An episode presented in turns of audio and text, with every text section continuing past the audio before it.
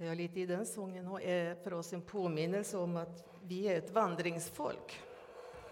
Och det finns en psalm också att, som vi brukar sjunga ibland, att Gud, ditt folk är vandringsfolket. Nu hittar du rätt, va? Eh, idag har vi kommit fram till den 21 gudstjänsten som vi grundar på Lukas evangeliet.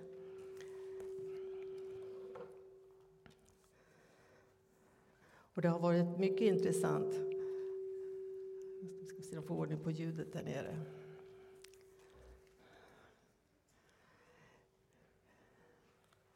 Det har varit intressant och givande att få bottna i de här texterna. Att verkligen få ta dem till sig och vandra med dem också. Idag, i den här texten, så är vi fortfarande kvar i Jerusalem på påskdagen.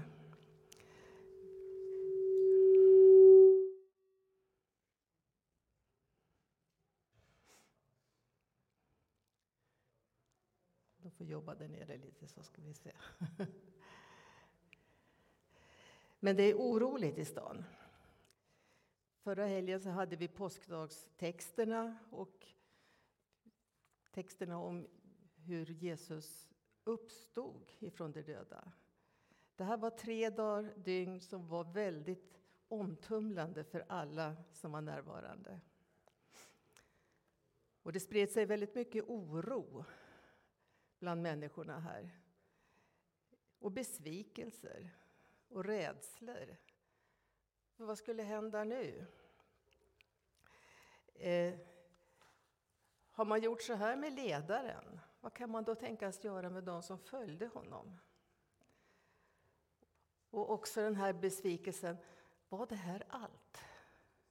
Här har vi satsat många år, tre år, på att följa honom och vi har trott på det här och vi har sett vad som har hänt. Och så är han bara borta. Men det var också andra förvirringar där på morgonen, för det kom rykten. Och framförallt att det var några kvinnor som började prata om att de hade varit ute vid graven och den var tom. I den här kulturen så hade kvinnor inte vittnesrätt. De var inte kallade till rättegångar ens, även om de var vittnen. De fick inte yttra sig. Och här kommer de och påstår att graven är tom. Får man tro på det?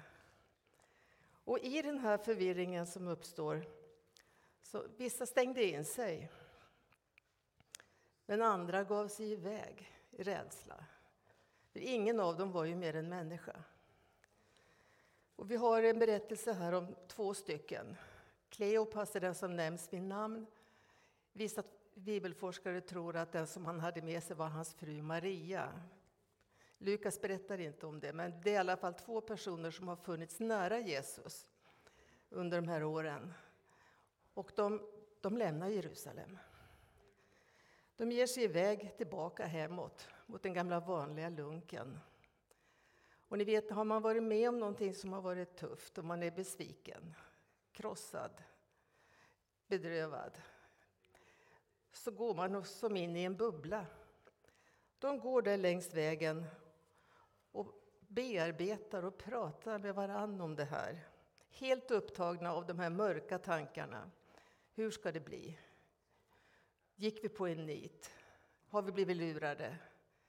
Eller finns det en sanning? Och när de går där längs vägen så får de helt plötsligt en medvandrare som hinner ifatt dem. Och han börjar att prata med dem. Han ställer en fråga och undrar vad går ni här och pratar om? En social fråga när man möter vandrare på vägen.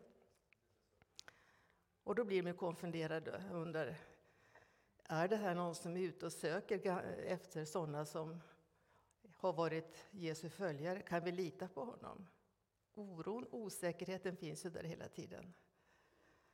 Men till slut så säger och undrar de, men vem är du? Som inte har en aning om vad det är som har hänt i stan.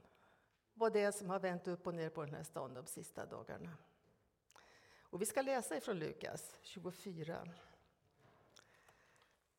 Samma dag var två lärjungar på väg till en by som ligger en mil från Jerusalem och som heter Emmaus. De talade med varandra om allt som hade hänt. Och medan de gick där och samtalade och diskuterade så kom Jesus själv och slog följe med dem. Men deras ögon var som förblindade och de kände inte igen honom. Och han frågade, vad är det ni går här och pratar om? Och de stannade och såg sorgsna ut. Och den ene som heter Kleopas, han svarade, ja, du måste vara den enda som har varit i Jerusalem och inte vet vad som har hänt där under dessa dagar. Men vad har hänt? frågar Jesus. Ja, detta med Jesus från Nasaret. Han som var en profet, Mäktiga ord och gärningar inför Gud och hela folket. Han blev utlämnad av våra överstepräster och rådsherrar och de fick honom dömd till döden och korsfäst. Men eh, vi hoppades att han var den som skulle befria Israel. Efter allt detta kommer att nu är det tredje dagen sedan det här hände.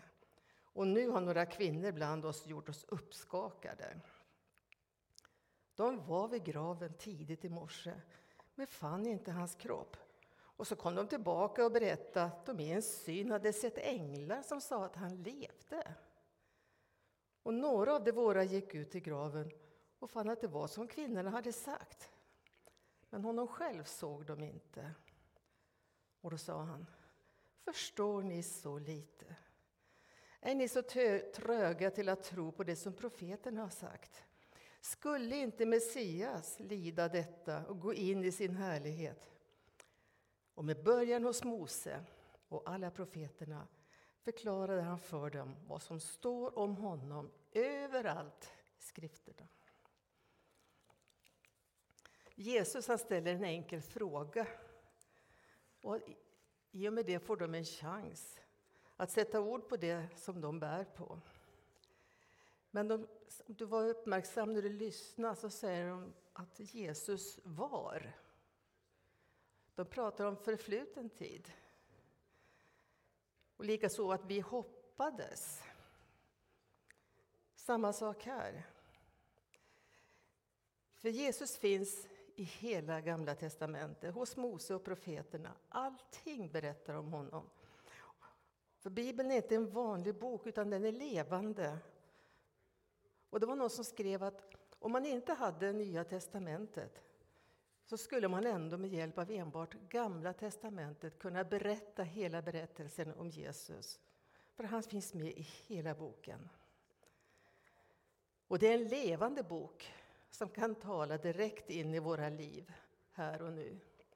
Du har kanske upplevt det ibland, jag har upplevt det ibland. Under de sex sista åren på där vi bodde tidigare, innan vi kom hit, så hade jag en bönekompis. Och, eh, hon kunde lite svenska, lite engelska, sen var det teckenspråk. Men vi delade mycket med varandra. Henne lärde jag känna. Hon hette Tansa. Och hon satt och tiggde utanför vår närköpsbutik. Hon och några familjer till hade kommit ifrån Rumänien. Och det visade sig att alla de här hade kopplingar till en pingstförsamling i en by i Rumänien. De blev väl omhändertagna av folket i samhället. Och fortfarande, efter många år, så, får de, så turas man om att ha dem boende hemma hos sig. Man har ställt upp husvagnar där de kan få bo. Man pysslar om dem. De har fått utbildningar. Men Tansa och jag, vi brukar dela bönämnen med varandra. Och in till ingången till vår närbutik så var det ett skjul där vagnarna stod, kundvagnarna. Och i den hörnan, precis i kanten där, där brukar vi ställa oss och, ba, och be. Ibland var det hon som hade bönämnen, ibland var det jag. Men en gång när hon kom här och hade varit hemma, för familjen turades om, så hennes vuxna barn var där ibland och sen kom de tillbaka i växelvis. Då var hon så ledsen. För då i, det hade varit väldigt rörigt när de skulle åka tillbaka till Sverige, hon och hennes man Gilja. Så hon hade glömt sin bibel. För den satt hon ju och läste där utanför butiken. Mycket älskad av människorna som gick där, en härlig person. Men nu hade hon inte Bibeln. Så hon undrade, kan du hjälpa mig? Och jag lyckades få tag på en bibelöversättning på rumänska, men det var en ny översättning. Och eh, när jag kom tillbaka där några dagar senare så ropade hon på långt håll och viftade med boken och ropade på mig. Barbro, Barbro, Bibeln pratar med mig. Den pratar! Titta, titta! Och så stod hon och slog upp och hon var själaglad. Hon hade hittat någonting där. För att just vilket bibelställe det var, det vet jag inte, för jag kan inte rumänska. Men hon hade hittat någonting som blev dyrbart för henne, för att hon fick höra, läsa det i nya formuleringar. Ni vet, man läser gamla invanda formuleringar så passerar de gärna genom huvudet.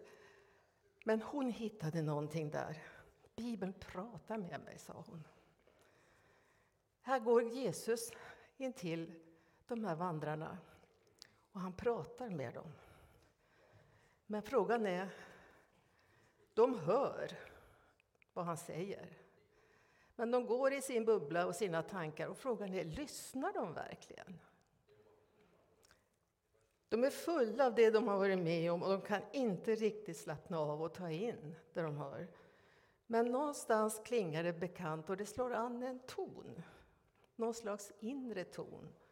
På samma sätt som en, en lovsång kan påminna dig om något. Du kan uppleva ett minne, kanske kroppen minns, du minns någon gång när du fick en välsignelse av den.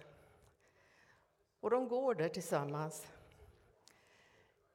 Vi är hela tiden omgivna av ljud. Det pratas och det låter överallt och vi sköljs, översköljs av information. Och man orkar och kan inte lyssna och ta in allt. Men det finns en risk också då att vi kan missa det som är viktigt. För det är svårt att sovra bland allt man hör. För att förstå vad som är viktigt och sant eller inte så då kräver att man lyssnar, aktiv närvaro, man tar in, reflekterar och bearbetar det man får höra. Vi ska läsa vidare här i vad som hände vandrarna.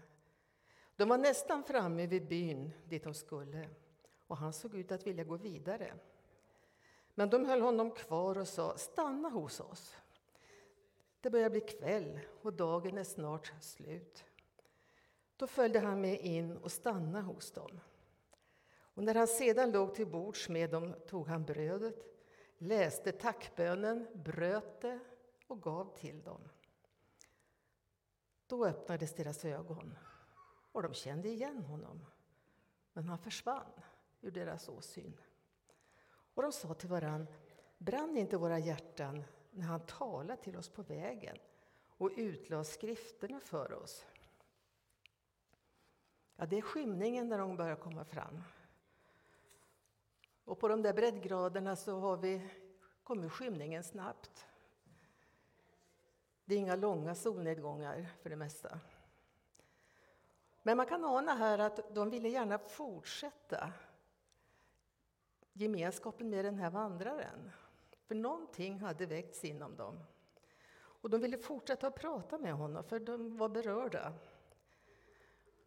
Och någonstans när de hade orkat i alla fall ta till sig en del av det han sagt, så hade de ju också upplevt en tröst, antar jag. Men Jesus han står där lite avvaktande. Det står det att han såg ut att vilja gå vidare. Men han väntade på en inbjudan. En inbjudan för dem. Och han tackade ja direkt. Och gick in och stannade hos dem. Och de delade en helt vanlig kvällsmåltid. Och enligt seden i kulturen där så är det någon vid bordet som då läser tackbönen och delar brödet. Det här har, var man ju van att göra och Jesus tar den rollen som han har haft många gånger förr. Och i den stunden, då ser de ju vem det är. Sen försvinner han.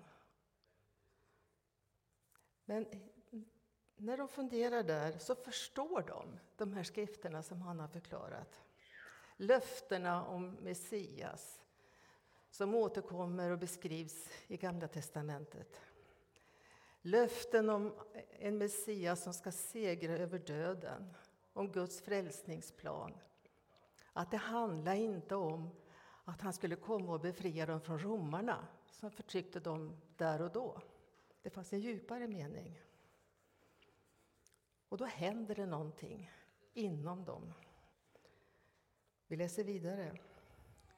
De bröt genast upp och återvände till Jerusalem där de fann de elva och alla de andra församlade. Och de sa, Herren har verkligen blivit uppväckt och han har visat sig för Simon, för Petrus. Själva berättar de då vad som hade hänt dem på vägen och hur han hade gett sig till känna för dem genom att bryta brödet. De bestämmer sig snabbt där. De vänder tillbaka, men nu är det ju kväll. På vägen till Emmaus är det dag. Men de är behärskade av ett inre mörker. Det är tunga steg, det är tunga tankar. Förtvivlan blandat med oro, och osäkerhet och allt det här som vi nämnde om i början. Men vägen från Emmaus tillbaka sen i mörker, då har det inre ljuset som de har upplevt segrat över det yttre mörkret. Och det är med lätta steg de tar sig tillbaka till Jerusalem. Och de hittar lärjungarna och alla de andra som har följt Jesus, som då var kvar där. Och när de, när de andra berättar vad de har hört från kvinnorna och Simon som hade sett honom, så blev ju deras berättelse här nu, de som kom tillbaka från Emmaus, en bekräftelse på vad de andra också hade varit med om. Och här någonstans rättas alla frågetecken ut. Han har verkligen övervunnit döden, precis som han lovade. Den här berättelsen den är ju en modell, en spegel över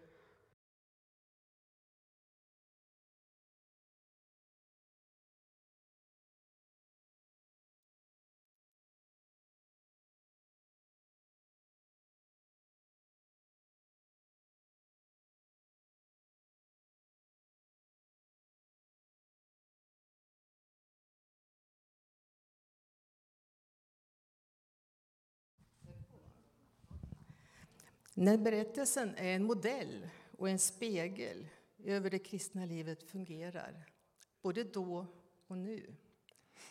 Och när vi upplever besvikelser och misslyckanden, hopplöshet och annat som tynger oss, så har vi lite valmöjligheter.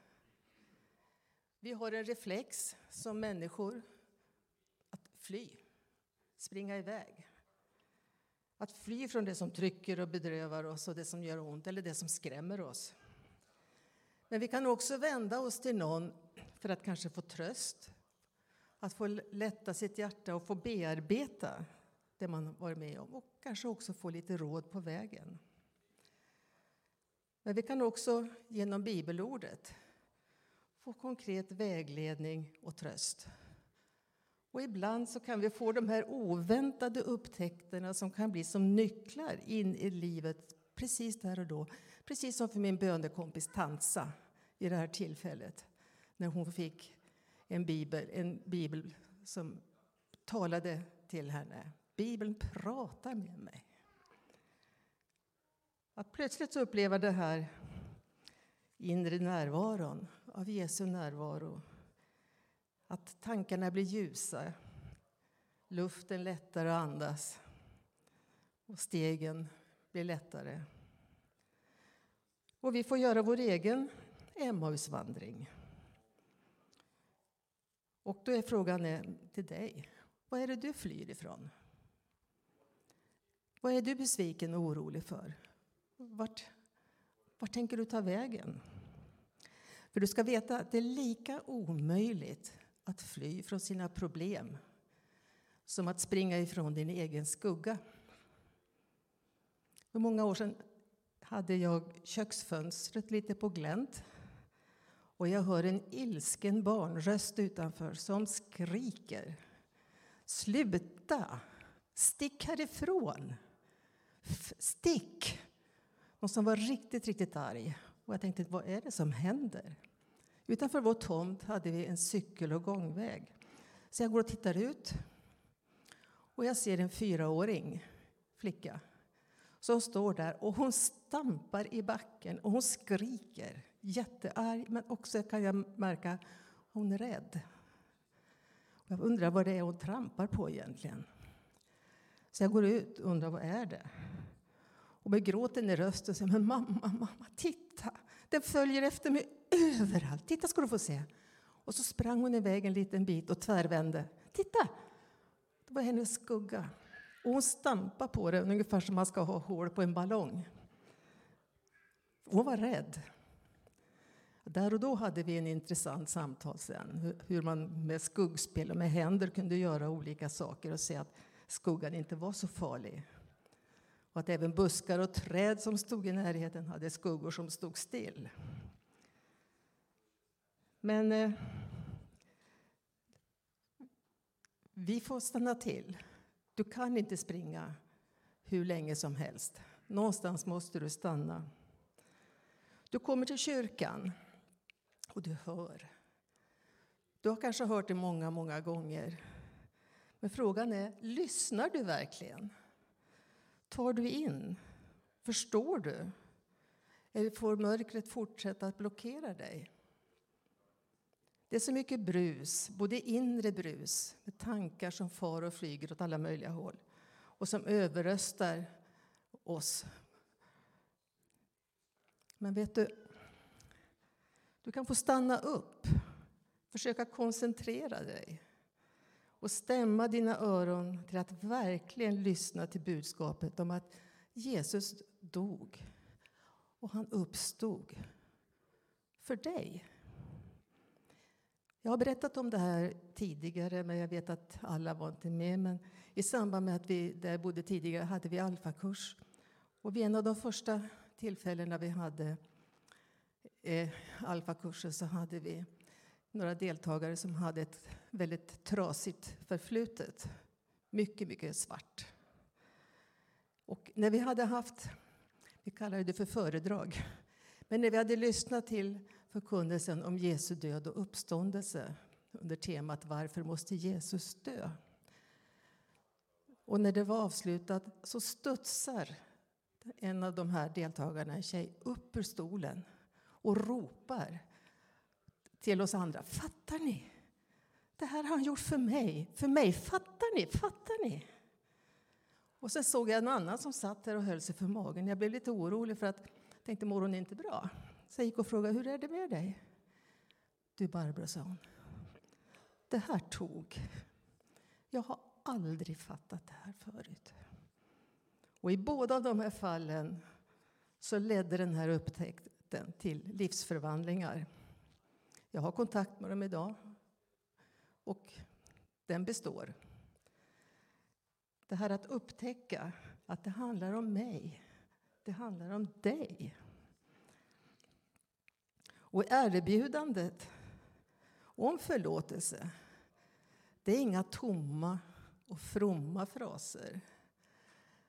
Du har hört dem kanske många gånger och du orkar inte lyssna på dem eller ta till dig vad de egentligen betyder. Men Johannes skriver i kapitel 1 där. Åt alla dem som tog emot honom gav han rätten att bli Guds barn alla som tror på hans namn. Vi får ta emot, det är det vi kan göra. Resten gör han. Åt alla som tog emot, det är en aktiv handling. Men han är aktiv, han ger rätten åt alla som tror på hans namn.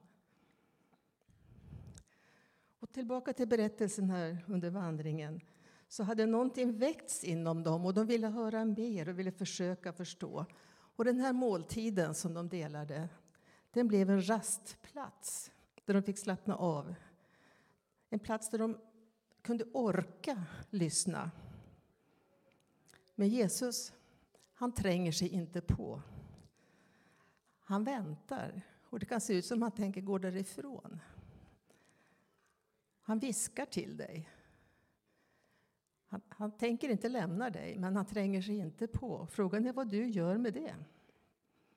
Han väntar på din inbjudan, precis som de här vandrarna fick ge en inbjudan. Stanna hos oss. Nu är det sent. Stanna. Och det var inte bara av omtanke om honom, tror jag, utan det var ett inre behov också. Och i en helt vanlig vardagssituation så får de känna igen honom. Och alla bitar faller på plats. Frågetecken rätas ut. Och bildligt talat så tänder Jesus upp ljuset i nedsläckta inre rum. Och när de har förstått att han lever så fortsätter de sin livsvandring tillsammans med honom in i evighetens ljus. Och de får också vara med och bekräfta för de andra som finns kvar i Jerusalem att det här är sant.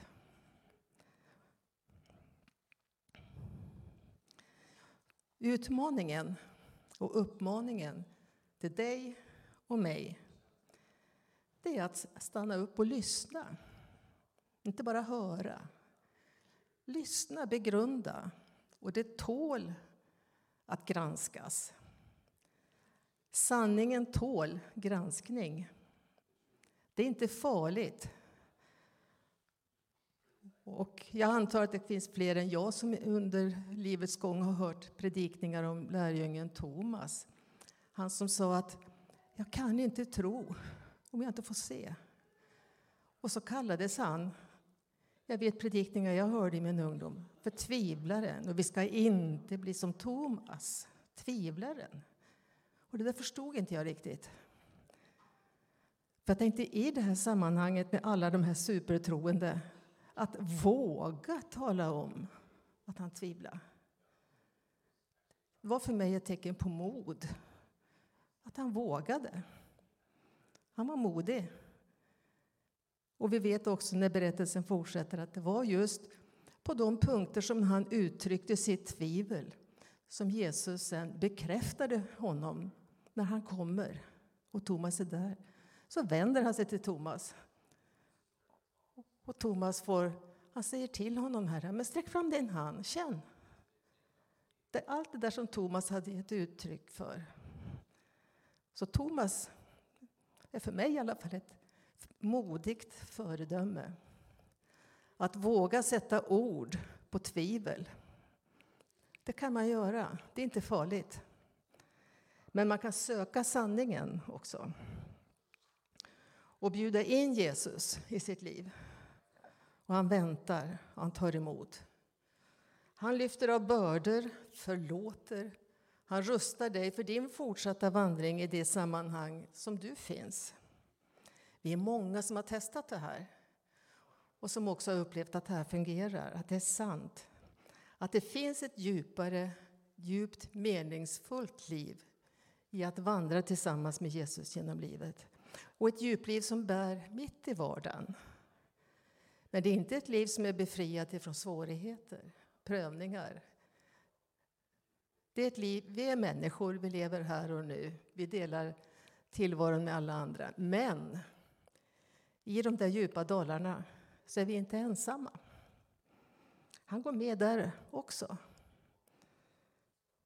Och du får välja, för han väntar. I avslutningen av den här gudstjänsten under nattvardsfirandet så kommer det att finnas förebedjare här ute i loungen. Om du vill prata med någon, om du vill berätta om dina tvivel, om du vill ha förbön. Och Bönen det är ju inte att man ska be om en massa saker. Ge mig det, ge mig det och ge mig det. Det är inte den typen av böner. Utan bön är ett samtal med Gud om våra behov. Det fanns en gammal väggbonad hos min, mina farföräldrar. Bön är ej knäfall eller knäppta händer. inte orden av en läxa som man lär. Nej, bönen är det stilla ljus man i sitt hjärta tänder när evighetens ande härskar där. Och det samtalet, det tar inte slut.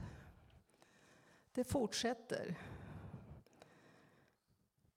Och jag är övertygad om att det här vill du inte vara utan. Men du har din möjlighet. Du får göra ditt val. Jesus, han väntar på dig. Han kanske viskar till dig, drar i dig. Men han tvingar sig inte på. Men du får öppna ditt hjärta, du får ta emot. Och du är välkommen. Vi ska be tillsammans. Jag vill tacka dig Jesus för allt vad du har gjort för just oss var och en. Hjälp oss att kunna ta till oss och förstå vad som finns och vad som väntar för oss var och en här och nu. Och Jesus, du ska särskilt välsigna den som i den här stunden brottas med tvivel, med oro eller har bördor som känns alldeles för tunga att bära. Tack för din närvaro och tack för alla dina löften till oss. Amen.